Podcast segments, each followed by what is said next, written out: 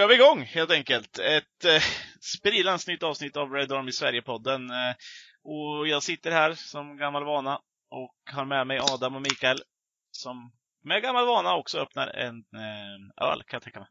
Om det inte kanske är läsk idag, men det kan jag ju tro att det inte Eller har du något svar på den frågan? Adam öppnat en öl. Nej, Adam, Hur du tror det? Adam äter glass. Adam äter glass. Nej, fan läsk. Jag dricker inte läsk. En öl ibland. Eller två.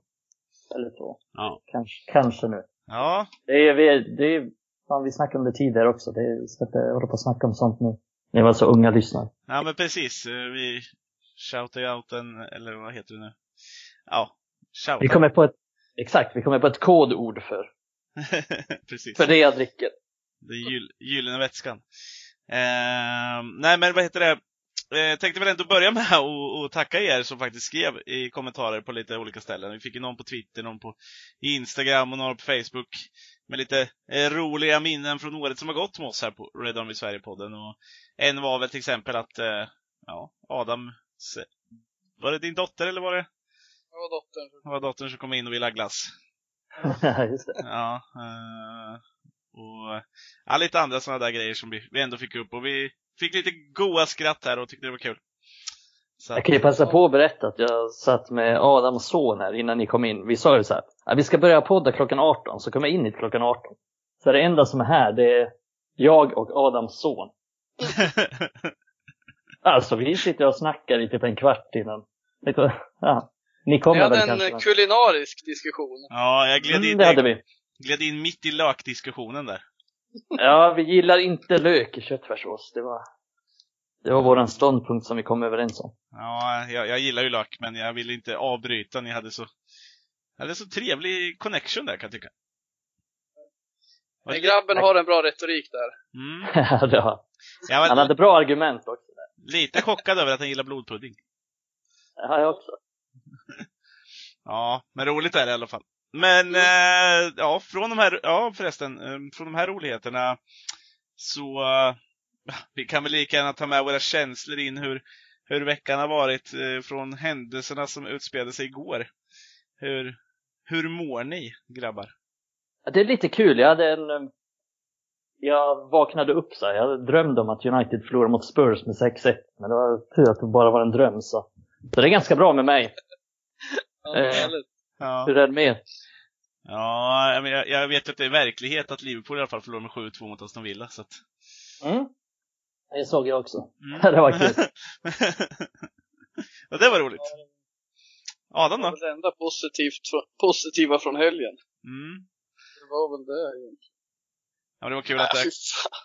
Det är liksom, det dog lite. Man tittar alla sociala medier, är på, på Twitter och så efteråt. Det var mycket hat på United och så, så här.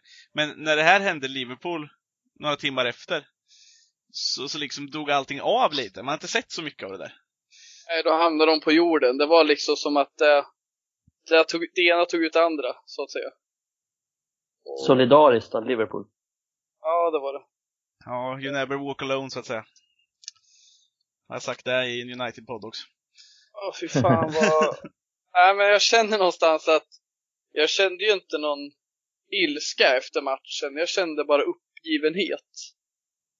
Och det är väl lite så man har känt de senaste åren och det tycker jag kanske är det jobbiga. Eh, jag tycker att eh, eftersom att jag i mina kretsar är väl ett av de största United-fansen här där jag bor så är det ju många som varit eh, tidiga att eh, häckla en liksom och retas när det väl får chans då. För tio år sedan när United var ett av världens bästa lag, men eh, det har ju gått över nu. Det är ingen som eh, tycker det är kul längre. Man eh, tycker snarare synd om en. Och det tycker jag inte om. Jag tycker inte om att det har gått dit. Jag kan känna att jag tyckte samma om typ Arsenal-supportrar för två år sedan. Det har ju vänt lite nu, men för två år sedan så började jag känna så här, nej, det är inte kul att reta Arsenal-fans längre, för nu är de fan på botten alltså. Eh, och där känner jag väl att de här sms som inte kommer längre, det är ett bevis, ta mig fan, på riktigt att eh, det är fan ingen som tycker det är kul att retas med United-fans längre. Det händer ju på Twitter och så, hela Twitter är ju uppbyggt på det här viset. Men eh, bland polarna, jag tror liksom det är, fan, det här är ett skämt och de fattar det. Jag tror ni känner igen er på något sätt. Det är liksom, Mm. Liverpool-fans kan jag känna i viss mån att de är alltid beroende av United besatta oavsett om de vinner ligan eller inte. Men, men överlag, jag saknar det fan mig. Jag saknar att bli retad när vi förlorar. Men nu, nu lägger folk handen på axeln på en liksom. Ja, men det är som när vi, när vi har mött Arsenal de senaste åren. Om, man tänker på mötena mellan United och Arsenal. Det känns liksom ingenting längre. Det finns ingen spelare i Arsenal man bryr sig om ens. Och så var det inte förut och det är ett svaghetstecken för dem. Mm. Man, är, man bryr sig inte om dem Nej. längre. United är inte läskiga längre, så det är inte, det finns inget jättebehov av att liksom påpeka ens eh, brister längre. Det, Nej, det finns ju ingen spelare som motståndarna hatar i United heller, tänker jag. Fan, jag ser ju hyllningar till Marcus Rashford från Liverpool-fans. Och det ska han ju ha. Det ska han ju ha, men Det ska han ju ha såklart, men, men jag vill ju ändå se lite hat mot United-spelare, för då betyder det att de har gjort någonting bra, men det finns liksom, liksom ingenting att säga och det är väl signifikativt för vårt lag just nu också. Eh, ganska profillöst ändå. Inga direkta stora ledare eller, eller stora liksom, profiler på så sätt. Men det där är lite kul, något du nämner just det här med stora ledare, för det känns ju lite, jag är inte helt överraskad att det kommer ut något sånt där, eh, jag antar att ni har läst eh, det här om Bruno, varför han blev utbytt och det där. Sen om det finns någon sanning i det, men jag kan nästan tänka mig att någonting sånt skulle kunna utspela sig. Att han ska ha skällt ut Harry Maguire i halvtid för att han inte är eh, eh, tränad nog, eller fit nog att kunna, eh, eller att bära tröjan liksom. Eh, Ja. och haft något outrage så liksom och sen eh, ja, på det sättet blivit utbytt. För att han inte kunde släppa och, bett, och blivit ombedd att stanna i omklädningsrummet med Martial. Mm. Eh, men så här, det känns lite som att vi har delat ut ledarskapet på fel ställe så här nu med facit i hand. Ja, men frågan är om det ens finns någon bra ledare i laget. Mm. Jag har ju det om att jag det. föredrar Bruno som lagkapten. Men hade han varit lagkapten igår så hade vi säkert inte sett någon skillnad. För Nej. även fast inte Bruno är vår lagkapten så borde man ju kunna se lite ledaregenskaper från honom om han nu är den som är mest eh, befogad ledare liksom. Men jag såg det inte från någon. Jag kan väl tycka att den enda jag riktigt såg vilja från någonstans igår, det var Rashford som ändå försökte löpa djupet. Det var inte tillräckligt. Men han kände som han ville någonting. Men Maguire, Pogba, Bruno, spelare som ska vara starka personligheter liksom. Fan, jag såg inte till dem igår. Jag såg inte ens att det våndades tillräckligt. Och vi har snackat om det tidigare, Mikael nämnde. Folk reagerar på olika sätt. Vissa ler efter de har gjort ett misstag. Vissa gråter. Vissa sparkar på väggar. Vissa gör det inte. Jag vet inte vad som är rätt eller fel. Men jag vill inte se någon le efter matchen. Jag vill inte se att spelarna ser tafatta ut när vi ligger under. Jag vill se... Jag vill fan... Alltså, det här får stå för mig, men jag vill fan se fula tacklingar om det så. För att ta med fan kom igång. Vi ska inte dobba någon över knät liksom. Men jag vill se en sen tackling för att visa att fan i mig, här kommer ni inte bara köra över oss. McTominay kom in och gjorde lite det. Det blev någon lite kalabalik situation där han kom in och... Eh, så att han är väl en, en sån som visar lite i alla fall tycker jag. Det har jag märkt tidigare också. Som visar lite känslor, lite karaktär. Men, men i övrigt, typ så här, vår lagkapten Harry Maguire. Jag tänker när, när jag tänker på Ole och gänget som scoutar honom och diskuterar honom, då tänker jag att de tänker så här, typ, ja men han är en stor ledare, han är en trygg eh, mittback, bra med bollen, kommer ge oss den här liksom ledaregenskaperna som vi har saknat. Men det har inte alls blivit så. Det har ju, eh, även om han har haft perioder där han har varit bra, så överlag har han ju inte varit så bra som man har förväntat sig. Nej. Och definitivt inte varit den ledaren heller. Det är kaos i det här försvaret. Det är kaos. Det är sämre än någonsin. Är, vi har ett försvar som är...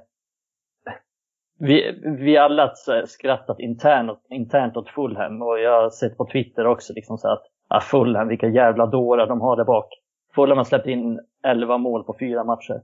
United har släppt in 11 mål på tre matcher. Så vi är fan värre än dem. Och det är, det är så tragiskt. det liksom blir bara sämre och sämre där. Ja, jag vet inte vad man ska säga om det. Alltså det är ju, det är ju patetiska händelser som händer igår, till exempel. Det är så många individuella misstag. Och det har vi, vi har ju snackat om det tidigare också, men det återkommer gång på gång på gång på gång. Och det är, det är så konstigt, för det går inte riktigt att förklara. Jag, kan, jag, kan, jag har ingen förklaring till det.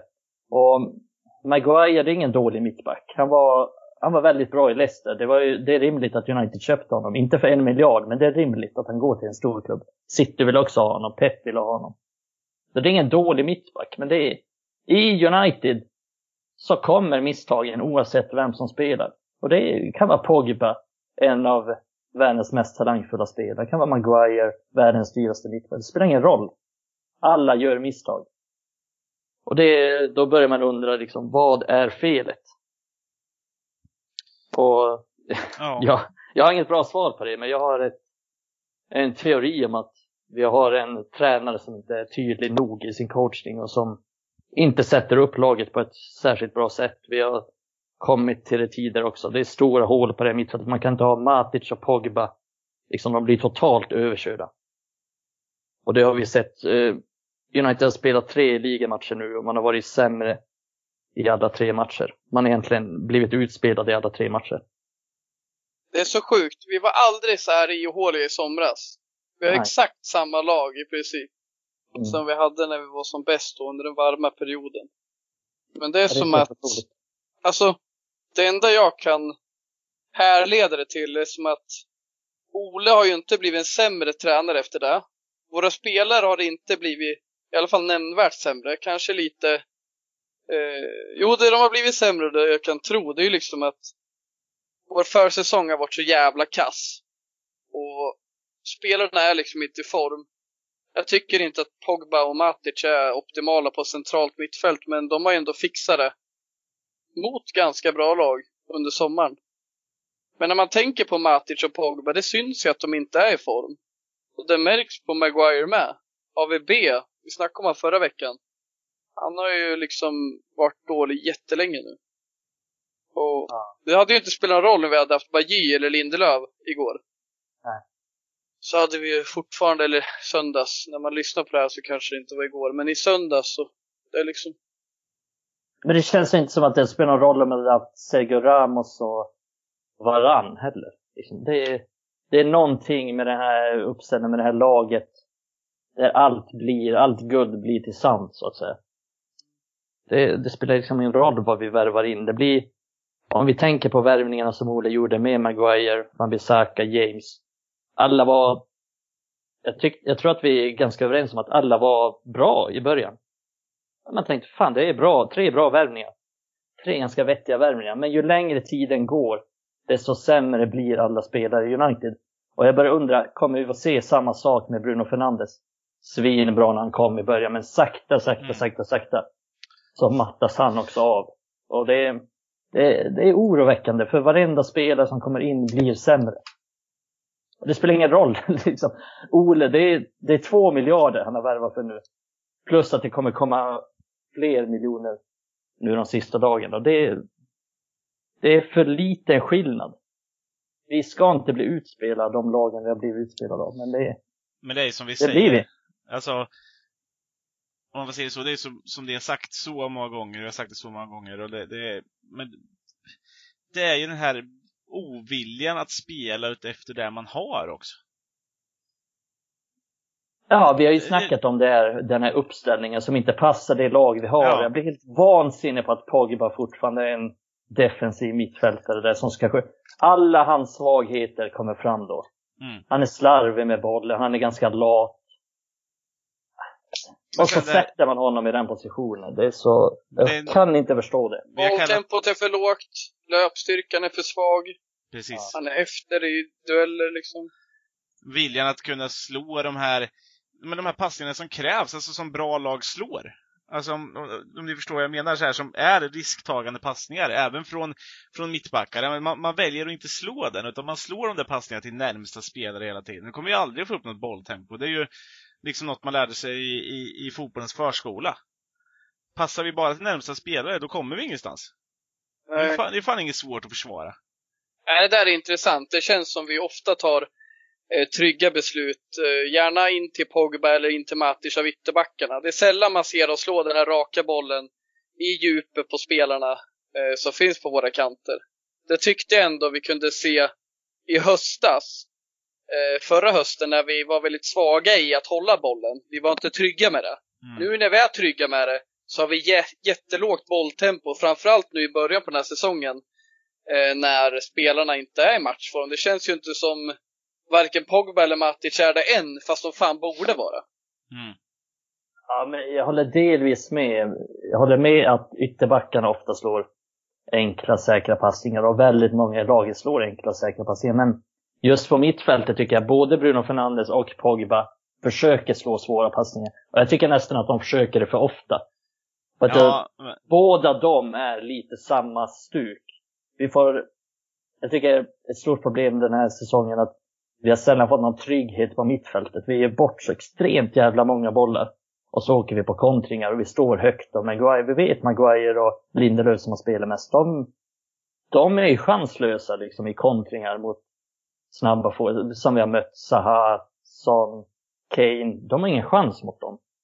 I, i de situationerna. Och det fanns en sekvens nu mot Spurs där Maguire är svinhögt uppe och ska slå någon slags avgörande passning Ja. utanför straffområdet. Och så åker vi på kontringen på Son. Som, han får ett rent friläge från halva plan. Men han får för dålig touch så, så tappar han bort den. Att det ska ju bara vara mål. Det är ett mirakel Ja. att det inte blir ett mål. Och det är så enkelt att spela mot det. Det är så enkelt. Mitt liksom så här, division 3-lag som jag spelar i, vi hade kunnat slå den bollen och få ett friläge. Det är så jävla konstigt. Jag måste vara förtydliga det. Jag håller med dig om att de slår ju bollar och Fred ska vi verkligen lägga in i den ekvationen. Så mycket bollar han slog eh, bort när han försöker slå en rak passning uppåt i plan. Och det känns inte som de riktigt vet vad de ska göra med bollen. Det känns som de gör det på chans, men jag tycker att det är väldigt många lägen när vi vinner boll, får den längs kanten och borde kunna slå den i djupet från våra ytterbackar. Men jag vill inte säga att de inte har förmågan. De är inte tillräckligt bra i sitt passningsspel framåt i planen. Shaw, tycker bra uppspelsfaser kan driva upp bollen och kan spela upp där liksom. Men att slå dem där längs kanterna, det gör de ju inte. Och det verkar ju vara en del av taktiken att vi ska hålla mycket boll tidigt. Och Tottenham skrattar ju bara, för de backar hem. Och sen Ja. är de nio man i, i, på egen planhalva. Eller i, i straffområdet nästan. När vi, när Ja. vi har eh, kommit upp i plan. För det går för sakta i transaktioner liksom. Ja, det gör det. Men det, jag börjar undra om det finns någon tanke med det. För att som du säger så slår inte ytterbackarna dem. Så jag börjar tänka att det är individuellt. Mittfältarna slår dem för att det är liksom de spelarna Pogba och, och Bruno är. Och Rashford till viss del, han gillar också att slå sådana ganska tidigt, fick ganska mycket chans. Är det för att det är, liksom, det är deras individuella kvaliteter, de vill fram, de vill slå dem. Medan Shaw, han vill inte slå dem, så han gör inte det.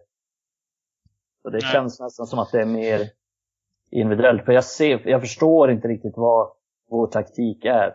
Jag ser vissa linjer, till exempel att han vill att backlinjen ska stå högt upp, även om det inte passar. Och sånt. Men, Men det är ju sånt som är så idiotiskt. som ska hända. Ja, det är Det, det är det jag menar med naiviteten i att vilja spela någonting som man inte har spelare för. Om man vill spela ett sånt spel, vad för helvete värvar man Harry Maguire för? Alltså helt ärligt, det är ju... Killen är trö, seg. Alltså så, det vet man ju, det är inte hans styrkor. Och vill man då spela ett spel med en hög backlinje, då är det ju inte Harry Maguire man ska ha i den backlinjen. Maguire är säkert skitbra i, i ett Leicester. Jag såg inte så mycket av Leicester med Maguire, men Nej, men det här alltså, är en annan typ av, typ av spel och då måste man ju såklart anpassa efter det. Men det är, jag vet inte riktigt vad tanken är och det har vi kommit, det kommer vi tillbaka till. Vad är tanken med Daniel James? Mm. Vad är tanken med Van Bissaka? Att Manchester United ska ha en så offensivt begränsad ytterback. Jag förstår inte vad tanken är. Det är det som är det som är problemet, att vi lägger så mycket pengar på spelare som man man kan inte riktigt se vad det är. Alltså lekmän som oss kan inte ens förstå liksom vad det är som ska hända. Och även om inte vi förstår så kanske vi blir bevisade fel, men det blir vi ju inte heller. Vi, jag förstår inte riktigt vad som är grejen med de värvningarna och vad som är tanken med dem. Det jag blir så här, jag känner att förra säsongen skulle jag ändå säga att vi mirakulöst tog oss till en tredje plats. Eh, mirakulöst menar jag att våra insatser och det poäng vi fick över säsongen, det ska egentligen inte räcka en normal säsong för att vi ska ta oss dit. Vi hade jävligt mycket med oss att lag som Chelsea kunde inte värva. Leicester, Tottenham. Leicester tappade 2020, vann typ ingenting. Tottenham hade jättedålig säsong, Arsenal hade en dålig säsong. Vi tar oss till Champions League och vi gör det bra. Vi hyllade det vi gjorde med tanke på att det såg så jävla mörkt ut. Men vi lyckades. Mm. Den här säsongen dock. När våra konkurrenter kommer värva, framförallt Chelsea som har en ketchup-effekt nu. Efter embargon så kan de börja värva igen. Och de kan fylla ut sina hål. Då måste ju vi göra något annat. Vi måste ju testa något annat. Och det funkade ju under den säsongen vi hade förra säsongen och köra 4-2-3-1, uppenbarligen. Men, jag- men jag kan ju tycka att man borde vilja utveckla någonting därifrån. Testa en annan formation. Fundera på vad kan vi utveckla här? Ska ju säga så jag har lackade för det nyligen i, när vi spelade in podd. Att vi har inte stödet eh, från våra ägare när det väl gäller. Det hade inte Mourinho heller. Men jag känner att som Ole är nu, jag är helt hundra på att får vi nya anfallsspelare så kommer han hjälpa dem att utvecklas individuellt. Men jag ser inte hur Ole ska som ett kollektiv få vårt anfall att bli bättre offensivt. Och jag ser verkligen inte hur han ska få till defensiven. Jag ser det inte just nu. Alltså, det känns som du nämnde, de här, de här spelarna vi nämnde, AVB, det känns inte som han blir bättre. Han känns som han, han har sitt topp. Han kan snarare bli sämre nu, för han måste ju hålla sig 100% defensivt. Har svårt att se han utvecklas offensivt. Men med den här spelidén vi har, vi, vi måste liksom, vi måste förändra någonting. Vi har snackat om förslag på det. Men, men liksom, vi kan inte bara nöja oss med det vi gjorde och köra vidare. Vi vet att våra ägare kommer göra det. Men Ole måste våga testa något nytt. Men han är trygg med det här. Han är trygg med Pogba som central mittfältare. Jag snackade med en arbetskompis idag. Det handlar ju förmodligen om så här. Det här är min teori. Vi, Pogba ville lämna. Det var snack, det var Mino, bla bla bla. Det blev Corona. Pogba blir kvar. Pogba är nöjd. Vi spelar han. Vi gör bra resultat. Vi har fått in Bruno som är vår saknade tia. Problemet är bara att vi har vi vill få in Pogba. Vi har vår tia i Bruno. Vi vill få in Pogba i laget. Så vi spelar som central mittfältare. Vi går in i samma fälla som Mourinho gör. Pogba hade säkert varit vår tia redan i, eh, vet du, och hade Pogba varit eh, skadefri förra hösten så kanske han hade kommit in som tia. Då kanske vi inte ens värvar Bruno. Där han ska vara liksom. Men som det ser ut nu, vi kan inte peta Pogba. Eller kan vi det? Jo, det kan vi. Men Ola har inte mod att göra det. Men ska han peta Pogba? Kanske inte. Han kanske ska hitta rätt roll åt honom. Men som det ser ut nu så är det en jävla fälla. Ole kan inte göra något annat med Pogba tydligen. Det är helt sjukt. Ja, är kan helt han sjukt. inte se att det inte funkar? Och när Matic då inte är i form, vilket han var i somras, han städade upp efter Pogba. Det var inte lika farligt. Men nu, det är det sämsta mittfältet, ta mig fan, i ligan. Nu tar jag i såklart. Men lyssna på det här. Alzate i Brighton. Han gjorde fan ett bättre jobb än Matic och Pogba gjorde. McCarthy gör ett bättre jobb. Det är skit mittfält vi har mött. Vi har mött Ndombele, Sissoko. Det är hårt jobbande spelare, men tekniskt ska de inte vara bättre än oss. Men det är de. Och liksom, att inte Ole ser det här. Men det är också ett problem. Ett problem. Han vågar ju inte peta Pogba heller. För Pogba är en stor personlighet i omklädningsrummet. Och han har tydligen inte förmågan att ändra formationen. För det här har han haft lång tid på sig att göra ändå. Se att det inte funkar liksom. I, I somras handlade det om att vi inte fick ut tillräckligt mycket med honom offensivt. Nu är han en ren säkerhetsrisk defensivt. Alla var kiss mot eh, Tottenham. Och Pogba var en av dem. Han var riktigt jävla dålig. Han har Ja, varit var dålig han. hela säsongen. Ja, men det är bara att se på hans eh, glidtacklingen där som kommer. Vad är det som händer? Det finns ju ingen, ingen disciplin i det här laget. Och så har man Pogba där på defensivt mittfält som kommer med en jävla idiotglidtackling in i straffområdet och orsakar straffen. Där. Det är så, Det är, Ja, det är så bisarrt. pinsamt Det- alltså. ja, det, går- ja, det, ja, det är så pinsamt Men det är att vi ens snackar om det här. Det är, Aurier gör sitt mål också, vad håller han på med då? Alltså det är ju... och Luke Shaws försvarsspel och Ja. oppositionsspel, det är så svagt. Maguire när han brottar ner Shoa, alltså det... det, det är också så här, det, det, det är liksom, det går ju inte, det är som du säger, alltså jag kan inte ens förstå vad det är han tänker att han ska göra. Nej. Alltså, vad, vad, vad, vad tänker Pogba att han ska vinna på den glidtackningen? Vad tänker Maguire att han sk- Alltså jag ser ju på första nicken, ser jag ju att han, han, bara gör utförandet av nicken brutalt dåligt, för han försöker nicka hem den till de Gia typ. Det, Ja. det, det, det, det, är den, det är bara den är extremt dålig. Men när han ska rädda upp det sen, vad fan börjar han slita tag i Shaw för? Alltså det finns ju, ingen, det finns ju ingen som kommer förstå det. Men vad- Du Hur? måste ju slagit slint i huvudet på honom sen han åkte till Grekland för fan. Ja, Hur i eh, helvete kan du brotta ner din egen lagkamrat? som ska ta bort bollen. Jag har inte slagit tillräckligt mycket i sommar. Ja men du kan nicka hem och det blir fel. Du Ja. kan få, men du kan fan inte brotta ner din lagkamrat. Det är det sjukaste jag sett. Mm. Alltså jag har aldrig sett en spelare bli så jävla konstigt fri. Som ändå Bele blev där. Men han är ju chockad själv, det ser man ju på Ndobele. Han Ja, ja. löper ju inte ens först. Nej, Ja, det är det som är så sorgligt att Spurs behövde knappt jobba för den här vinsten. De slog ju liksom av på takten, bytte ut Son ganska tidigt och det är inte så att Spurs var någon så här peak Barcelona, att det blev 6-1. Så det är helt sjukt att den här, det här resultatet kommer för det är mot ett Spurs som, som inte är jättebra. Visst, Spurs är bra i omställningen och Son är vass där, men det är att den här matchen ska behöva bli 6-1, det det är tragiskt. Ja, och vi snackar om det här röda kortet. Visst, det gjorde att vi inte kunde ha möjlighet att komma igen egentligen, i praktiken. Mm. Men det var fan inte det som gjorde att vi förlorade. Det var uselt försvarsspel, till störst del Maguire, och det under all kritik liksom. Och det är intressant, för jag tycker man snackar gärna om domare, och jag vet att vissa har en förkärlek och diskuterar domslut och grejer. Och ja, det var inte rätt. Det, rätt, det mest rättvisa vore att inte göra någonting med den där situationen, eller ge båda rött kort. Inte någon Mm. mellanting. det Ja, hade och, varit mest rättvist. Men, det har ingenting med den insatsen att göra. Det gör, Nej. att vi, det gör att vi blir utklassade. Men vi skulle förlorat oavsett. För man kan inte försvara som vi gör. nej. Och Man det kan lite, inte göra sådana misstag. man kan inte få en bättre start på en match. Vi blir... Vi, vi utnyttjar precis deras svaghet, en klumpig Davinson Sanchez, eh, det första vi gör. Det är precis det man ska göra. Vi sticker in den, Martial gör det han är bäst på. Rycker lite, utnyttjar en klumpig mittback, fixar en straff. Det är därför vi får så mycket straffar, för vi är bra på de där situationerna. Vi har spelare som är bra på att utnyttja klumpiga försvarsspelare. Ja, Ja, vi har alltså så här- svinbra Det är ingen slump att vi får mycket straffar. Nej, Nej. utan det, det, det är för att vi är bra på att utnyttja dem. Det är därför United ligger högt i den statistiken. Sen kanske man kan diskutera hur mycket man vill och alla vill diskutera att ja, men vi, vi får så lätta straffar. Nej, vi är bra på att hamna i de situationerna och folk är klumpiga. Men sen när man ger, vi ger ju bort lika lätt i försvaret.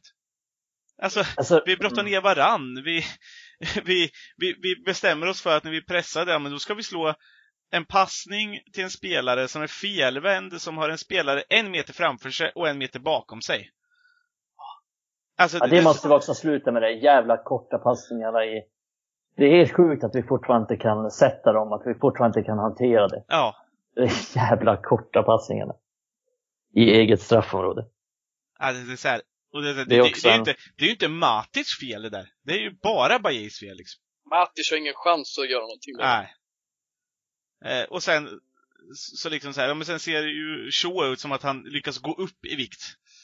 Det, det är ju också så här, hur är det ens möjligt? Jag börjar tänka på så här discipliner. Vad, Ja, hur är Ole som ledare i omklädningsrummet? Det verkar vara så här vilda västern där. Det är liksom så här Maguire i Grekland och slåss och eh, Greenwood eh, drar upp brudar till hotellrummet och sen kommer han tillbaks till United och då börjar Maguire brotta ner Luke Shaw och sen vad fan är det som händer i den klubben? Vad, vad sysslar de med på träningen? Vad sysslar de med i omklädningsrummet? Det är... Nej men alltså allvarligt, det är ingen så här disciplin i laget och det ser man ju bara när Pogba kommer den här glidtacklingen.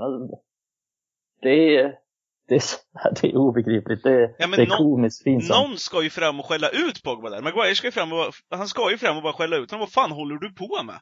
Den enda Ja. som reagerar lite nu för tiden, alltså så här, ja, men förutom att, som ni sa då, McTominay, men det är ju det han lever på, att, att vara den spelaren som, som är det. Han är, han är känslomässig spelare, det har vi ju pratat om. Men det är ju de Gia, han är ju arg hela tiden. Han är ju inte annat annat än arg. tills- Jävlar vad han skäller på försvaret, men Ja. nu är det fan motiverat. Ja, Annars är ju målvakter en förkärlek. Du vet så här, det är klassiskt målvakter, de gör en Ja. bra räddning. Då ska man skälla ut försvaret det första man gör. precis. Och sen är det... Play it cool. och sen är det de här andra, vad heter det, liksom situationerna. Det är så, här, det är så mycket så jag bara säger för fan, kräv lite av varandra. Det är som att, det är som att man är ute och liksom, den enda som jag ser kräver lite, som är där och pekar och som vi säger så här, man kanske inte är den bästa ledaren, men Bruno Fernandes är ju den som är där och pekar och styr och svänger med armar och bara kräver, vad fan håller du på med? Spring lite här nu, upp där, upp där! Ser du inte att du ska vara där? Så här, det där måste ju ske från alla. Jag bara säger, Ja. man bara, tjå för fan, ta den där löpningen då, då har hela jävla kanten för dig själv! Sluta stå och tänk på Big Mac! Spring! Ja, men det, det känns som Ole sätter inga krav på spelarna när det kommer till det där. Jag har svårt att se honom skälla ut både Maguire och Pogba för deras insatser. Jag har svårt att se spelarna sätta krav på varandra. Och vi, vi är ju tillbaka på det där, Vi saknar ledare. Vi saknar, saknar ledarskap. Vi behöver inte ha någon lagkapten eller vice lagkapten som styr allt. Det ska vara ett gäng som sätter krav på varandra. Jag är helt med på det du snackar om nu Jonas. Men det är, det är så att Shaw kan vara jävligt mycket show och väldigt lite kämpaglöd i och ändå få starta varje match. Mm. För vi har inte kvaliteten, vi har inte kraven. Och det är därför det var skönt att se Williams. Sen inser vi att han är inte tillräckligt bra. Vi tar in Shaw, som är bättre defensivt, men så jävla oambitiös liksom. Och jag ville bara se liksom, AVB, ni snackar om att han är lat liksom. Jag håller ju med er på sätt och vis. Det är ju för lite jobb work rate på de där upp och ner på kanterna. Det känns som när det väl kommer upp, då är det helt jävla rent på bak, bakom dem. Liksom, de rör sig inte, alltså de, de löper inte tillräckligt mycket. Och gör de det så är de snart trötta. Och vad fan sätter vi för krav på träningen då? Vi ska köra hög press, men vi orkar ju inte ens hålla hög press. Det var ju det Ole sa att vi, nu ja, fan vad de är dåligt tränade efter Mourinho. Nu jävlar ska vi börja löpa, vi ska Ja. bli det mest löpstarka laget i ligan, vi ska jobba som fan. Men vi ser ju ingenting av det, vi är ju extremt lata i den här matchen. Och hela liksom, upptakten på den här säsongen. Det är, finns hur många exempel som helst också på hur lata yttrarna är i försvarsspel och så vidare. Och så vidare. Så nej, jag förstår inte riktigt. Det är, det är så mycket som är obegripligt i det här laget och då tänker jag på när Jonas sa det här med, med skälla ut folk och att man ska kräva mer och det är, det är helt rätt, det är klart man ska. Men då börjar jag också undra så här, vet spelarna om vad de ska göra på planen när de är på planen? Det måste ju finnas en så här tydlig roll. Typ Shaw. Ja, Shaw vet, jag ska komma upp tillräckligt mycket. Jag ska komma på överlapp hela tiden, för det är min roll i laget. Men det tycks inte finnas någon sån roll till honom. Man har svårt att förstå vad rollen är. Och det är ju möjligt att det är så för spelarna, att de inte riktigt vet vad de ska göra. Att de har, med fan själv var det ju mycket styrt. Du ska göra si och så. Och det är ju inte heller bra om det är för styrt. Men här känns det nästan för slappt. Typ att ingen vet vad de ska göra riktigt. Det är intressant, jag hade ju köpt om, om alla hade hög intensitet i pressspelet men att det alltid är någon som inte fattar och kommer efter och är, är dum helt enkelt. Men det känns ju som, det är noll procent av spelarna som eh, liksom håller ett högt tempo hela tiden. Kanske Bruno då, som tycks springa intet hela tiden. Men spelare som Shaw, Pogba, Martial, Greenwood tar inte heller i 100%. Jag tycker Rashford och Bruno gör det, men de andra, det är inte deras personligheter, det är inte deras brister. Det är liksom, det är instruktionerna. Mm. Ser du Mm. inte hög press, släpp din jävla padda och gå ner och skrik på dem. Eller se åt dem att sluta pressa helt och hållet. Någon jävla ordning får det vara. Det blir varken hackat eller malet idag. Ja men visa Och lite jag säger det, jävla... padda. Jag blir så jävla trött på scen på läktaren med den där jävla paddan. Ja. Jag hade köpt det om allt bara rulla och han analyserar och skruvar och petar lite. Men nu, det händer ingenting rätt på planen. Men han sitter där och bara tittar. Men ta mig fan, är det rött kort och allting är kört, då ska han uppstå där och peka. Det ser ut ungefär som, du vet när man pekar åt en taxi som åker förbi. Nej, just det. Ja, Du då? Nej. Så det är så ingen som lyssnar på honom. Nej, det är Fan jävla vad han håller på med. dåligt självförtroende där. Mm. Jag ska säga så är här. Jag, jag kan försvara Ole på att den här säsongen har inte haft en bra början och vi har haft en träningsmatch. Vi har haft samma lag och det funkar under sommaren. Men jag ser i det längre perspektivet. Jag vill se utveckling redan på första matchen. Jag vill se ny formation, jag vill se tänk, jag vill se spelare utvecklas. Men nu är vi på väg neråt. på lång sikt, jag tror inte på Ole. Men jag kan försvara att det har blivit så här dåligt i början. För vi satt och hyllade det här laget i somras. Precis samma lag. Precis. Precis samma tränare. Precis samma taktik. Där sitter jag och, och eh, jag har pratat med flera kompisar som har varit på mig hela tiden så här, det bara går bara Ja, nu ser du att det är Maguire som är den största sopan. Jag bara, men samtidigt, vi släppte in mindre mål än vi har gjort, eller färre mål än vi har gjort på, på hur länge som helst förra säsongen. Med Maguire, han, han gjorde ju någonting, det är ingen dålig mittback. Det är en bra mittback, men någonstans så brister det så jävla mycket någon annanstans. Och det är lite där som du säger, jag är också så jävla trött på att se den jävla paddan hela jävla tiden. Släpp det där, vill runka upp stridskuken för helvete som jag fick lära mig när jag var ung. Ja. U- ja, men, ja men alltså, ut och skrik lite, gör någonting, visa att du fan inte är nöjd. Sitt inte där och småle eller fan bara typ skaka på huvudet en gång och sen lägg benet i kors. Alltså, det, det funkar Gör inte ett så. byte efter en kvart eller någonting. Ja, ja men byt ut, Agera. byt ut Pogba, visa, fan du är, du är sämst. Du jobbar inte som jag vill att du ska Idag är jobba. du Byt sämst. ut. Jag sitter en ung holländsk kille här som bara drömmer om att få spela och springa. Som också har gjort det Mm. bra när han har alltså, fått göra det. Exakt. Ja, det är också Det där, vi, vill, vi är överens, vi vill ju att Pogba ska funka i laget, men han är så jävla kissdålig. Det är bara att byta ut honom i halvtid. Ja. Vi sätter fan inga krav. Det är ingen som är överordnad någon annan i det här laget. De ska ut med huvudet före. På det här sättet är det ju bra att Bruno åkte ut nu om han gjorde några oegent, oegentligheter eh, bakom stängda dörrar. Men samtidigt, om det stämmer det du säger, så är fan hellre någon som sätter krav och skäller ut än någon som gömmer sig på planen. Men förmodligen var det något kontroversiellt om det stämmer det du säger Jonas. Men fan, man ska, man ska fan gynnas för att man visar känslor, det är inte för Mm. att man gömmer sig. Det är många som gömde sig igår. Precis. Ja, men hörni, vi, vi ska rulla vidare på annat också. Nu har vi i, i ja, känslomässigt pratat i 37 minuter om det här. Eh, så att det, det är väl klart att ni ska få lite annat också. Något Eh, positivt kanske. precis, lite mer positiva saker. Och, och vi tar det alldeles strax. Vi ska bara andas i två sekunder här först. Så, eh, så kommer vi vidare och vi ska prata lite silly season då, då och, och både ungdomar och A-lag. Eh, så be right back.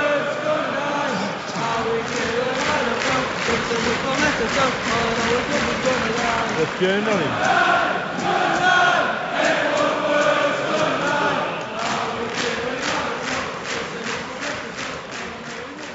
Och efter att ni har fått lyssna på eh, Manchester United-fans som eh, sjunger lite eh, vad de tycker om Ed Woodward så, så ska vi gå in på lite mer positiva saker. Och Ed Woodward kan man ju vara arg på när det gäller transfers och allt möjligt och sådana där så, men eh, lite har han ju lyckats med nu i alla fall så här på deadline day i sista sekund. Eh, för ja, under inspelningstid här så har vi fått se bilder på eh, Alex Tejes i eh, presenterad. Eh, sitter med signat kontrakt och eh, i United-tröja. Eh, det kommer även in lite andra rapporter om att den här eh, eh unga uruguayanen Facundo Pellestri, eller Pellistri, eh, ut, uttalet får jag komma tillbaka till. Men eh, han kommer från Penarol, uruguayanska ligan, ska vara något form av Uruguayanska underbana också ska vara klar. Eh, men eh, vi tänkte vi skulle prata om de två som faktiskt är klara och då har vi en annan Uruguayan också. Eh, där vi får väl säga att han ändå är klar, Edison Cavani. Han har sagt hej då till PSG via en video. Bara inte riktigt presenterad den utav United. Utav det officiella. Men Cavani in, Tejes in, är väl det vi kan säga just nu är helt klart. Vad säger vi om det? Eh, de har jobbat en dag, det svenska fönstret i alla fall. Precis. Det får man ge dem. Ja, Jävlar! Ja. det är mycket som händer nu, men det är...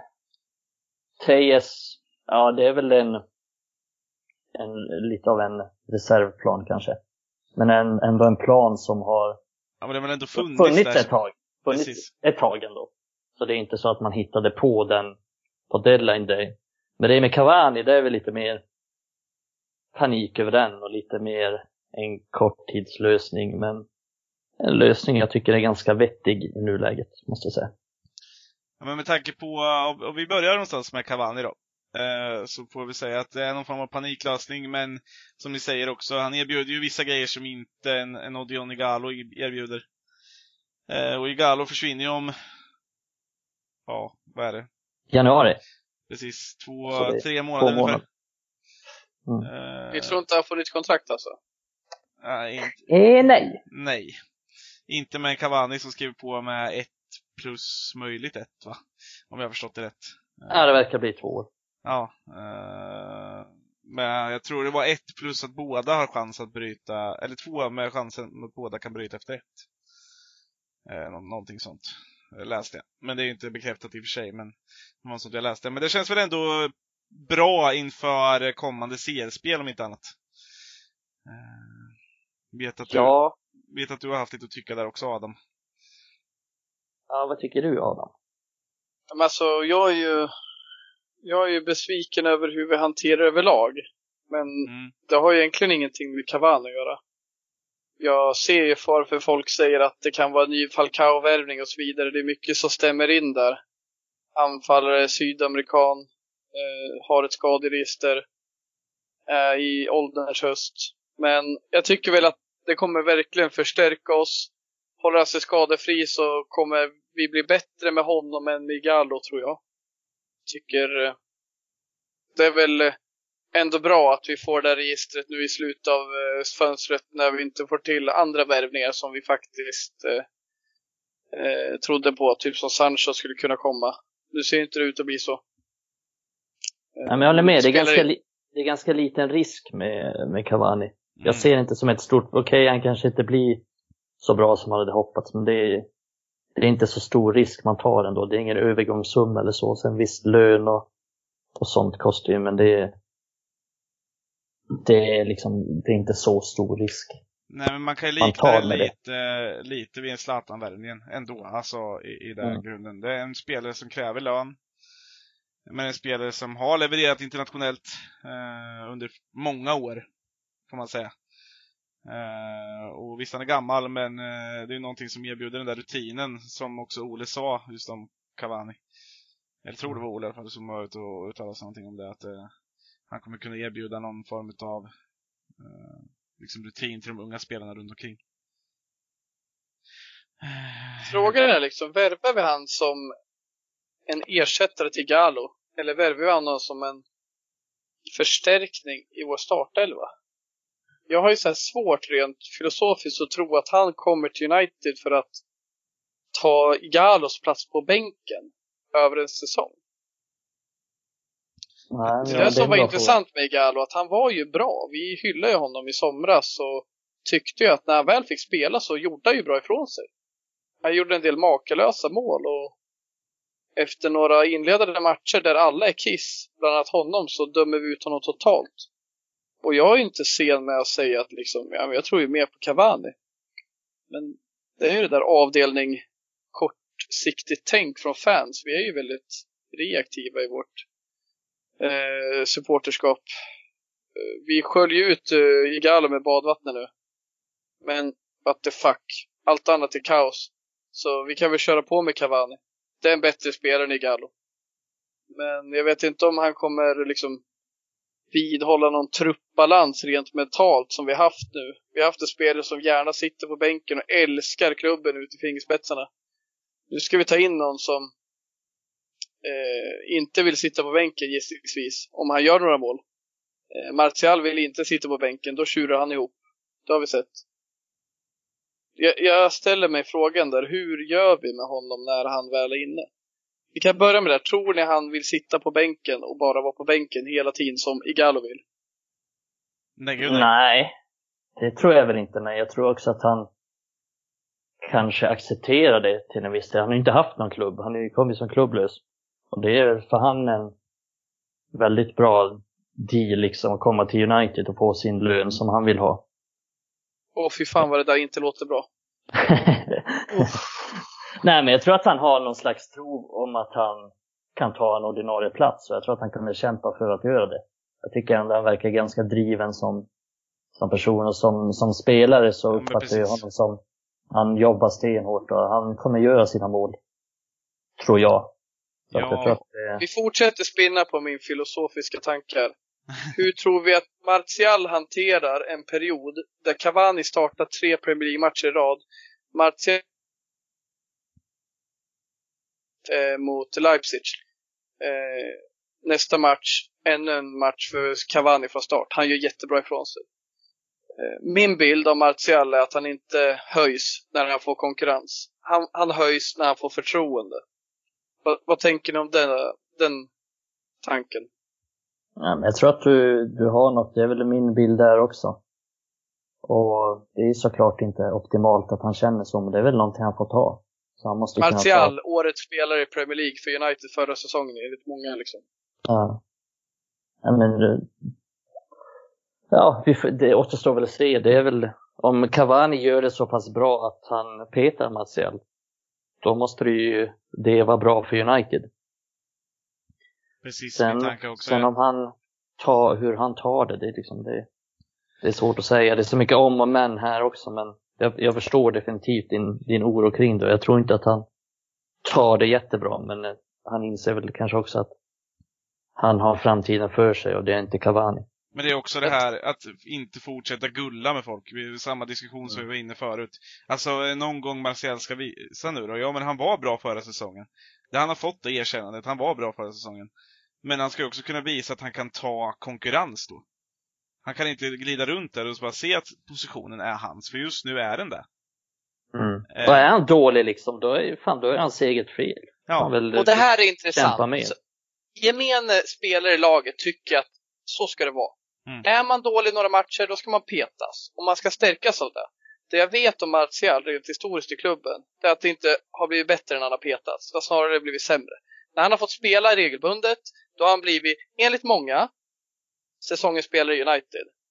Martial är en spelare som vi ska kunna ha i typ 10 år till om han nu håller den nivån han gjorde förra säsongen. Jag vet inte om Cavanis konkurrens för honom blir bättre för oss i längden. Jag tror att Cavani kan göra så pass bra ifrån sig i år att han gör mer mål än vi kanske fick till och med av Martial förra säsongen. Men det är på en bekostnad också. mm. Och jag håller med er 100%. Jag vill bara säga det. Jag tror på att spelare ska få konkurrensutsättas. Men jag tror inte att Martial, en petning av Martial eller en petning av typ Pogba gör dem starkare. Jag tror snarare på bråk där. Jag tror snarare på tjurigt. Är det rätt? Nej.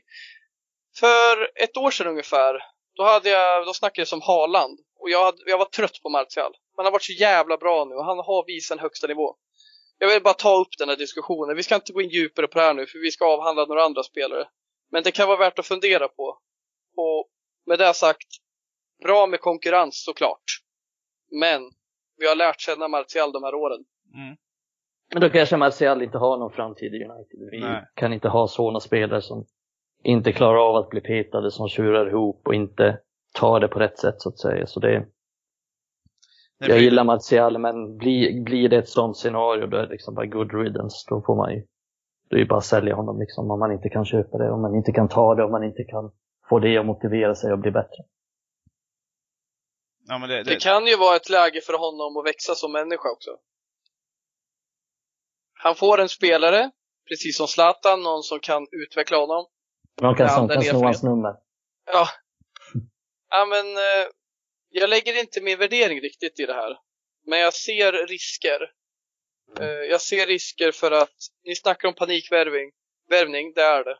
Det är en spelare som i sin bästa dag är helt underbar. Men, Men tycker Som du sagt- inte vi behöver en, en anfallsreserv liksom? jag tycker att vi behöver en anfallsreserv bakom Martial. Jag tycker att Igalo var bra i somras. Jag tycker att vi hade kunnat ta in någon annan. Vi leker med tanken att vi köper in eh, nu har vi sett han, nu är inte han eh, världsklass liksom, men Watkins från Du Från, tänker en eh, yngre liksom som kanske Ja, inte är... en yngre som kan underordna sig, som kan utvecklas, som kan spela varje cupmatch, kan spela några Premier League-matcher. Vi snackar Greenwood som vi vill få in centralt. Men det är väl det Det jag där- tänker att det är det som blir Greenwoods roll till slut. Att man, man tar, det är där, därför tror jag man tar in ganska tillfälliga lösningar som Igalo och Cavani. För att man Väntar in Greenwood. Ja, precis. Det är också precis vad jag tänkte säga, att jag tror man väntar på Greenwood just därför man inte gör det där. Och därför man letar Loan på anfallspositionen och, och, och lite skiter i vad folk säger. Visst, man hade lätt kunnat ta Haaland ifall man fick honom förra säsongen, alltså om det hade landat sig rätt. Förstår Ja, man hade kunnat ha kvar Lukaku också, Mm. om man som ville det. Men jag tänker så här, hade man fått det man ville ha utav Halland i den eh, förhandlingen, ja men då hade man ju eh, tagit det tror jag. Men, men nu med Greenwoods utveckling och allting så tror jag man väntar just på att han ska ta den positionen slut. Ja, jag tror också. Där kan vi släppa Cavani. eh, så kanske vi får tillfälle att återkomma till honom. Men eh, Alex Dejes är ju som sagt presenterad, en vänsterback som vi pratade lite om nyss, eh, som erbjuder eh, väldigt mycket mer, framförallt på offensiv planhalva, än vad eh, eh, våra nuvarande alternativ gör. Eh, så att eh, någonstans därifrån kan man väl se att vi absolut är en spelare som fyller en form av behov och någonting som uppenbarligen har varit något som Ola önskat sig. Ja, Ja, jag har alltså, svårt att se Ja. honom bara... Jag börjar nu Adam, håll käften. Jag har svårt att se honom... Jag har svårt att se honom vara sämre än Luke Shaw offensivt. Och Williams också för den delen. För Williams verkar ha Matty. Target är bättre än Shaw offensivt. Alla är bättre än Shaw offensivt. Släng in dig på vänsterkanten Adam och du kommer göra bättre ifrån det. Ja, det- Vara mer ambitiös det. i alla fall. Jag kan se det springa som en jävla skabbräv där fram längs, längs kanten. Skägget. Riktigt så här fighting face också. Det kan jag se verkligen. Fighting Bomba face fram. framförallt. Ja, bomba fram inlägget in. Nej men, alla är än Luke Shaw offensivt. På riktigt. Luke Shaw har inte gjort en poäng i ligan sedan 28 april 2019. Och Det är sjukt. Ja, det är sjukt. Och så att, nej, så det är en förstärkning där oavsett. Jag har inte sett Teja spela, men jag säger ändå att det är en förstärkning. Och Luke Shaw är inte felfri defensivt heller, vilket vi såg mot Tottenham. Eh, så att jag tror att det kommer bli en bra värvning. Eh, det tror jag faktiskt. Han kostar inte allt för mycket heller. Eh, han kan nog komma in och förstärka ganska, ganska snabbt på en gång. Jag tror inte han behöver någon större omställningstid heller. Men sen hur, liksom, hur bra han kommer vara. Kommer han vara en ny superstjärna på vänsterbacken i United? Ja. Förmodligen kanske inte. Men jag tror inte han kommer förstärka det här laget. Och truppen framförallt. Ja, Mhm. nej men alltså jag känner så här, vi har ju funderat på, det här kommer ge oss andra alternativ. Vi har suttit och snackat om formationer men ständigt komma tillbaka till att vi saknar vissa ingredienser i vår eh, trupprepertoar. Liksom. Och det här gör ju att vi kanske till och med kan köra en diamant i vissa matcher, för vi har en som kommer springa upp och ner Precis. kanten. Och, Det jag läste om Tejes är ju att en av hans starkaste styrkor är hans löpvillighet, uthållighet. Att han hela, hela tiden kör liksom. Han blir inte trött. Och det blir ju så. Därför är han ju svag i hemåtjobb ibland och därför så är han begränsad i uppåtjobbet. Så det tycker jag är jätteintressant. Det är ju kul att kunna, även för Ole, känna att han kan tro på sina backar offensivt. För vi snackade om det förut, varför gör inte ytterbackarna si eller så? Nej men det är för att Ole kanske inte litar på dem 100%. Och då kan vi frå- ifrågasätta varför han valde typ AVB som ett förvärv. Men Mm. Shaw Mm. är ju som ett styrbarn han inte ville ha. som, Ja, som, i, som ingen har velat ha, känns det Nej. som lite. Det, han, Och han, snackar vi liksom så här eh, Pochettino som kan bli aktuell och komma in om de här dåliga resultaten fortsätter. Då är det väl kanske troligt att han kommer in som tränare. Han har ju uttalat sig om så, om hur lat han är och, Ja, och så vidare. Så han vill inte heller ha honom ifall han skulle komma. Det här är ju Shaws mardröm som uppspelar sig just nu. Dels att det går dåligt, det är Pochettino som kanske står och knackar på dörren och det kommer in en ny vänsterback som, som erbjuder så mycket mer än vad han gör i många aspekter som United saknar. Ja, men ironin i det när, eh, bara efter Crystal Palace-matchen, du kan ju uttala sig Luke Shaw, fan vi, nu måste vi, nu måste United värva någonting. så kommer det in en vänsterback som petar honom. Det är ändå bold av honom. Ja, det är det. Ja, men man det, ska akta sig för vad man önskar. precis. Men man hade ju lätt kunnat se, precis som du säger Adam, en, en eh, Tejes på vänsterbacken och faktiskt en Brandon Williams på högerbacken då, med rätt fot. Eh, ut mot liksom så här med inläggsmässigt tänkt. Eh, istället för AVB då, just att spela den där diamanten. Det hade det, det, det, det, någonstans får ju mig lite att pirra inuti bara så här, det, det, liksom, skulle jag sitta som FM-tränare så, så football manager, det är inte alla som spelar där, men alla ni som gör det där ute fattar vad jag menar. Bara så här, men det här, jag får in mina bästa spelare och det ser faktiskt ut att kunna funka. Det liksom, man ger Pogba en position då till vänster där, tillsammans med Tejes, eh, där han gjorde det så bra i, i Juventus när de spelade så. Mm. Eh, man får in van de Beek, man får in Bruno, man får in eh, Matic bakom där, eller Fred, eller vad man nu vill ha där. Och vi får två spetsar där faktiskt Rashford har varit bra när han har spelat med två, med två forwards. Du har både Greenwood och Martial och Cavani i det här fallet, och mycket alternativ där med. Ja, då får vi lite nice. mer... Det där är ju verkligen bra presenterat Exakt. Jonas, det där ja. är intressant. Ja, för då får vi lite konkurrens på de anfallspositionerna, för nu när vi spelar med två yttrar, då har vi knappt två yttrar. Vi har Greenwood liksom och Rashford, det är det enda vi har.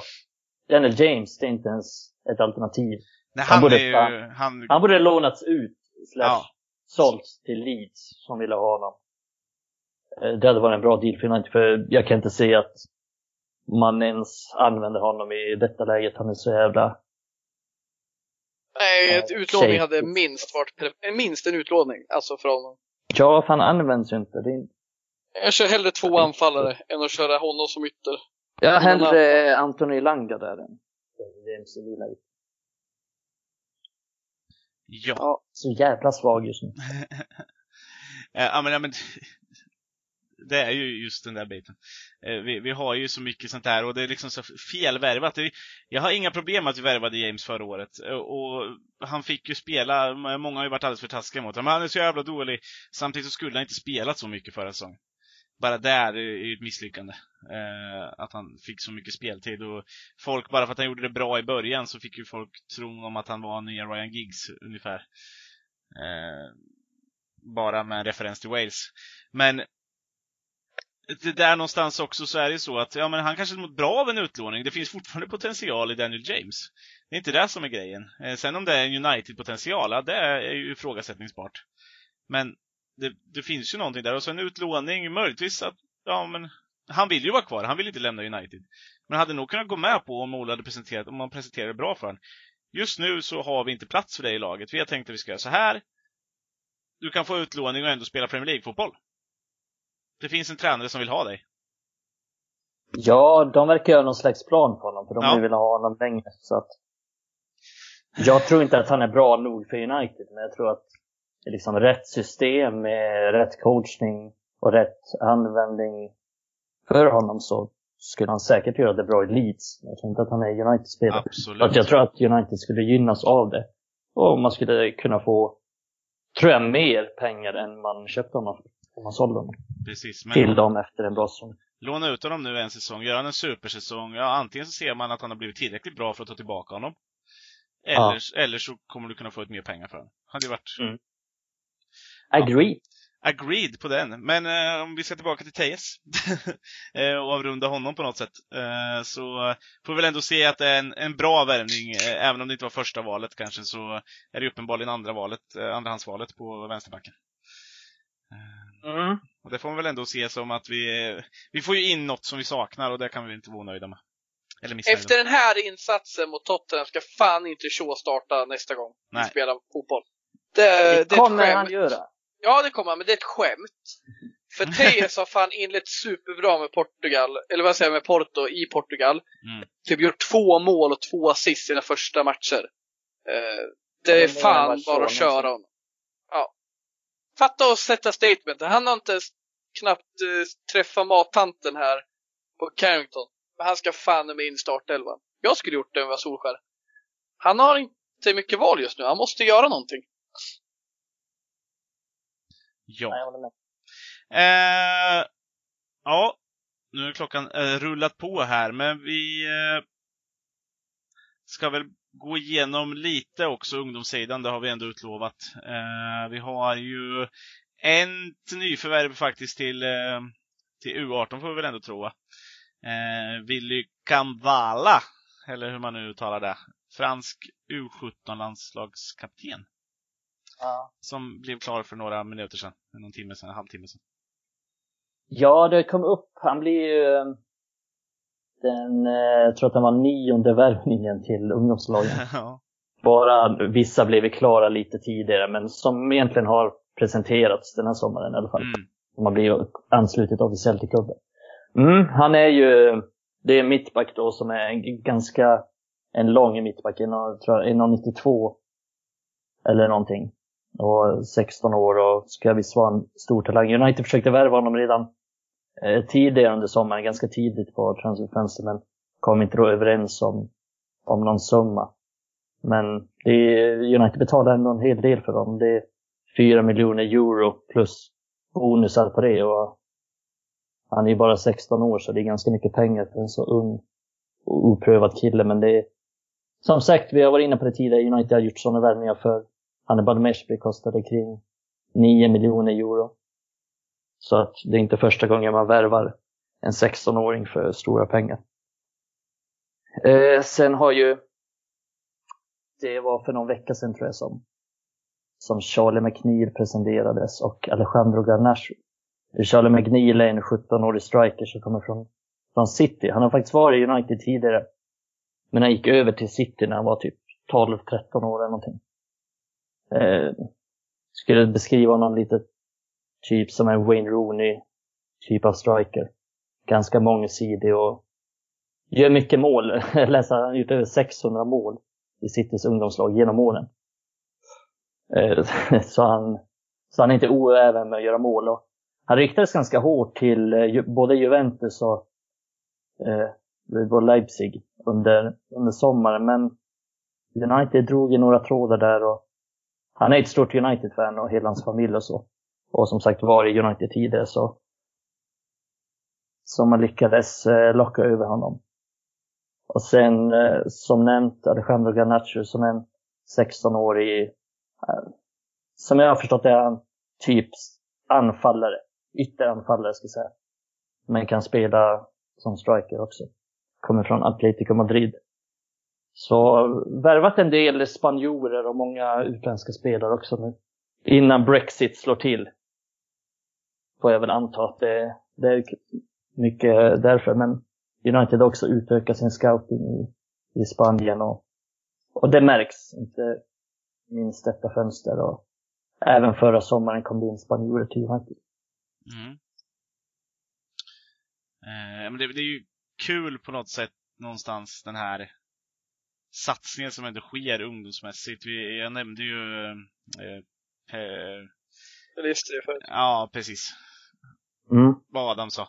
Eh, och eh, så har vi även det här med en ungdom som Ahmad Traoré som verkar vara på väg från Atalanta. Kanske inte någonting för just ungdomslagen, men det är också unga spelare. Eh, och sen på det bygger vi på med, med vi tar den franska U17-landslagskaptenen. Jag kan ju tänka mig att det är andra som har velat ha honom. Eh, vi tar han som du nämnde nyss, eh, Charlie McNeil där. Alltså det, ja, vad sa du? Han har gjort 600 mål för City, eller något sånt. Ja, Det är ju galet. ja det är det. Ga- Galet många mål. Eh, och, och de här andra spelarna också, det är också så här, det är inte så att de är okända för resterande Europa. Eh. Real Madrid slogs ju för att behålla den där ena spelaren vad jag förstod det som. Men han ville Ja. ju bara inte vara kvar. För att han Mm. såg inte chansen att komma upp i A-laget där. Precis, det är Fernandes som du tänker på som Mm. presenterades av United någon månad sedan. Mm. Han har gjort sin, han spelade en match med U18 och gjorde mål direkt. Eh, som, han är vänsterback. Så det är, finns en del potential där och många bra unga spelare man har värvat. Mm. Det ska bli, bli spännande att följa dem. Om man, det får man ändå ge cred till, eh, till vår ledning för att man lägger ner och har lagt ner enormt mycket tid på det. Vi har berättat i tidigare poddavsnitt hur mycket man la ner för att värva Hannibal Meshby. Man träffar föräldrarna, man tar gamla... Evrai kom ut nu och sagt att United bara skickar, vad sa han, advokater för att prata med Mm. spelare. Men, men i, i de här fallen har de ju skickat liksom så här Alex Ferguson har varit inblandad och skickat gamla spelare och snackat med dem och tagit Hannibal Meshby och låta honom se gamla, eller se United-matcher på plats och liksom väldigt mycket kontakt med familjen och man gjorde samma med samma med, med andra ungdomsspelare man har värvat och försökt värva också. Ja, och, och när man ser på det här nu och som vi pratar så är det ju klart att att eh, det, det tes ju som att, som du har sagt innan och rapporterat om innan, City har ju legat före United i ungdom, eller akademimässigt väldigt länge. Eh, men nu känns det ju som att United kliver förbi. Alltså rent i, i när man pratar så här. Ja, United får ju upp fler spelare. Mm. Sen är det ju alltid så att City är extremt bra på ungdomsnivå, ofta i toppen vad gäller alla ligor och turneringar och så, men det är inte så jävla viktigt egentligen. Det viktiga är ju vad får man upp? Får man upp spelare till, till A-laget? Och där är ju United bäst. Alltså United är bäst i Premier League, United är bäst historiskt i Premier League också. Och man blir inte sämre där, utan snarare bättre. För att United har extremt många som kommer upp och det, det ryktet går ju. Fotbollsspelare är ju mycket så. Vad är bilden av den här klubben? Och bilden är ju att går man till United då får man chansen i A-laget. Och det ska, då ska man väl ge cred till, till Ole för det, för att han har, Precis. han har bidragit mycket till den bilden. Även om jag tycker att till exempel Nicky Butt har gjort ett större jobb. Alltså när jag, jag tittar på det här, de här spelarna som har nämnts och de som kommer in, bland de jag uppmärksammar i alla fall i U-lagen, det, det känns ju som det är jävligt genomtänkt vad man värvar in. Liksom. Att, vi har nämnt de här Carreras, Mm. nyss vänsterback, Jurado nämnde vi inte, men han kommer från Barca. Högerback. Ingen dussinlirare, precis högerback. Aron Hansen och McNeil anfallare. Mittback i Kambala. Yttrar i Pelistri, Traore, Garnacho. Mittfältare, ingen alls egentligen. Men vad Hansen är fan, väl vi har... Hansen är väl typen nummer 10 skulle jag säga. Ja. Ja, okej. Ja, han är en offensiv. Ja, Eh, men centrala mittfältare, sittande, inga alls. Men vad fan, där har vi ju redan en drös som är ute på lån nu. Liksom, mm. Garner knackar på dörren, Levitt. Eh, Levitt, eh, Galbraith gör bra ifrån sig. Det är liksom, det är ju, en- och, och som vi nämnde nyss, eh, vad heter det, Meshbri. Det är liksom, det finns som kommer uppifrån och det är hög talang. Kommer från klubbar som Monaco, Barca, Real, eh, Atletico Madrid. Atletico. Madrid. Eh, jag vill inte säga City, men ja, du sa det. Men ja, framförallt Molde. Nej, nej men alltså det är duktigt. Tromsö. Det är bra, det är bra klubbar liksom. Och det känns som att det finns en tanke och det här gör mig så trygg i längden. Det finns inte mycket att vara glad med i den här klubben. Men vår ungdomsakademi tycks än inte i alla fall vara infekterad. Den har snarare varit raserad en gång i tiden och nu byggts upp igen med de här profilerna som Cox, Butt, som verkligen kan klubben. Det Och det funkar. Och, väldigt- och klu- spelare vill dra dit. De vill Mm. komma till vår akademi för de vet att de kommer kunna utvecklas och få chansen i klubben. För United ger chansen åt sina ungdomar, det gör inte City. Nej, och det var ju ja, Isak Hansen som kommer från Tromsö. Han var ju många klubbar ute efter. Han var ju, han har ju besökt liksom så här Bayern München, Liverpool. Men han blev ju mest imponerad av Uniteds idéer för honom, Uniteds anläggning, Uniteds planer för honom. För man presenterar alltid en plan för ungdomsspelarna. Om ett år ser vi det här, om två år ser vi det här, om tre år, då vill vi att du ska bli en A-lagsspelare. Och du kommer få chansen. Kommer du göra bra ifrån sig, då kommer du få chansen. Så att man presenterar ju sådana tydliga mål och man har som, som du sa, man har en tydlig idé för allting man gör. Och alla värvningar som görs. Och det, det Nej fan upp med Nicky Butt och gänget i A-laget också. Skicka Ed Woodward åt helvete. Så, ja, men, så det, löser vi det här. ja, men det är ju lite åt det hållet. Det hade ju varit bättre i alla fall. Det kan ju inte bli sämre än vad som är just nu i alla fall. Alltså, och som du säger, Evra har ju inte fel innan han säger vi skickar advokater och göra saker. Här Nej, har vi ju... skicka advokater till A-lagsvärvningar, men till ungdomsvärvningar, då jävlar. Då Aha, är det noga uttänkt med Alex Ferguson och ja, Gary Neville var med en gång. ja, jag vet. Jag tror Evra pratat om att han också varit med på någon, om, inte, om det inte var Meshbri Evra var inblandad i. Ja, det kan nog stämma. Ja. Ehm, ja men så här, då det, det är ju uppenbart så att det lockar mer än att eh, Judge kommer med, med en stor eh, pappersbunt och säger eh, hur mycket vill du ha? Jag kan erbjuda dig så här mycket. Mm. Ja, och, och vad kul. Det är klart. Ja, men. Gärds bara, du får inte önska mer än 250 000 i lön. för, för då spräcker vår budget. Ja, vad bra, vi ville bara ha 240. Ja, ja. Men, vad kul. Men vi tar 250. Nej, men jag vet inte om det stämmer, men jag läste något rykte också om att Diego Forlan hade varit den som hade rekommenderat Pelistri. Mm. Eh, om det var tvärtom, att han hade kanske lockat honom till klubben på något sätt. Att sagt, "Ja, det är en bra klubb. Jag trivdes där. Jag tror att han, vet jag vad jag förstod som det så var, men han det, liksom... det, det låter ju naturligt någonstans att man använder sig av de här profilerna. Eh, Forlan har ju någon slags inverkan på klubben liksom. Eh, ja men precis. Eh, och, och det är ju lite sådär och vi behöver ju de där. Det, det är så, vi, vi fans behöver ju att Evra är så här. Men fan, jag mår ju bra av att Evra mår dåligt också. Alltså förstår ni vad jag menar? Alltså det, det blir lite omvänt. Jag gillar Patrice Evra. Jag, jag skrev precis en krönika om honom. Eh, det är en av mina favoritspelare inom i Manchester Uniteds eh, historia så. Eh, och, och jag gillar ju att de brinner så här för det. Att de är med, de vill hjälpa till, de vill vara ambassadörer för klubben. Och det är sånt vi behöver, att de här jävla eh, pajasarna på plan också vill vara ambassadörer för Manchester United. Mm. Jag önskar att jag, jag håller med, jag blir, jag blir så här liksom, ja, det är skönt att det är en spelare, en gammal spelare som visar samma kärlek som oss. Med, med den mikrofonen han har så önskar jag nästan att han hade sagt mer, mer relevanta grejer. Senaste kritiken var ju mest mot spelarna, men det finns ju annat där. Han säger att han inte gillar att kritisera vissa saker och sådär, men Mm. han pratar ju gott om Glazers, jag vet inte. Men Men det är ju för att Ja. han, han sa ju det igår också att han nästan vill säga upp, han vill säga upp kontraktet med Sky för att han måste ha viss munkavel på sig, han får inte säga vad som helst. Och det skulle han vilja men göra. han hade ju ingen munkavel när han satt på natten med sin kaffemugg i handen. Ja, men han representerar, inte i alla fall. han representerar nog ändå Sky lite vet du, han är fortfarande med där. Så det är ju, om man vill ha betalt eller inte. Eh, nej, jag, Nej, men jag tror inte Sky kickar han för att han säger att Glazers är dum i huvudet. Det tror jag inte. Nej, det tror jag Det är kanske. alltså utanför sändningstid. Han han nämnde ju faktiskt, sändningstid, det är en annan femma. han nämnde ju Glazers och Woodward och det och han säger ju att det ska in någon som vet fotboll, som hanterar fotbollssidan. Jag tror Glazers skickar, skickar pengar till Sky. Kicka Evra. Ni får 10 miljoner. Ni gör det. vi, pl- vi plockar ut en biljard till Ja. eh, ur klubben. Så har du en biljard. ja, det kanske jag sa, jag menar inte det.